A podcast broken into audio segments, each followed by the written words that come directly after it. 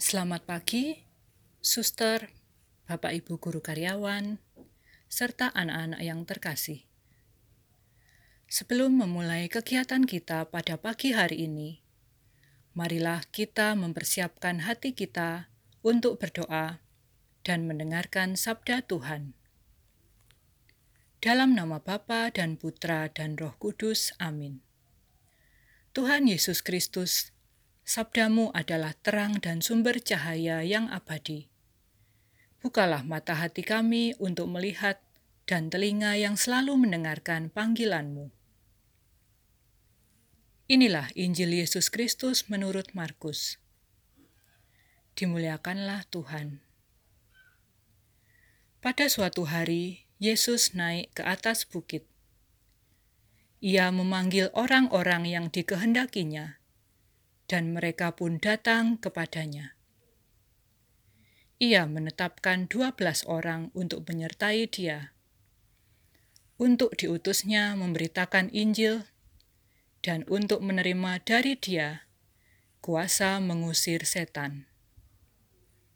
Kedua belas orang yang ditetapkannya itu ialah Simon yang diberinya nama Petrus, Yakobus anak Zebedius, dan Yohanes saudaranya. Yang keduanya ia beri nama Boanerges, yang berarti anak-anak guru. Selanjutnya Andreas, Filipus, Bartolomeus, Matius, Thomas, Yakobus anak Alfeus, Tadeus, Simon orang Zelot, dan Yudas Iskariot yang mengkhianati dia.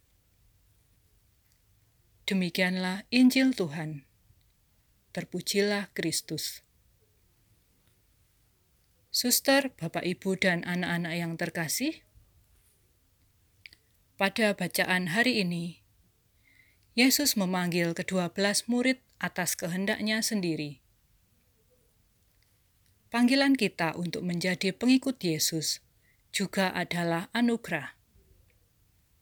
Maka kita hanya dapat mensyukuri dan menghargainya dengan menjalankan tugas kita masing-masing dengan baik. Amin. Allah Bapa Sang Pencipta manusia dan alam semesta, kami mengucap syukur kepadamu atas hari baru ini kami mohon bimbinganmu sepanjang hari ini, dan bimbinglah agar kami dapat belajar dalam semangat kasihmu dengan rajin dan jujur.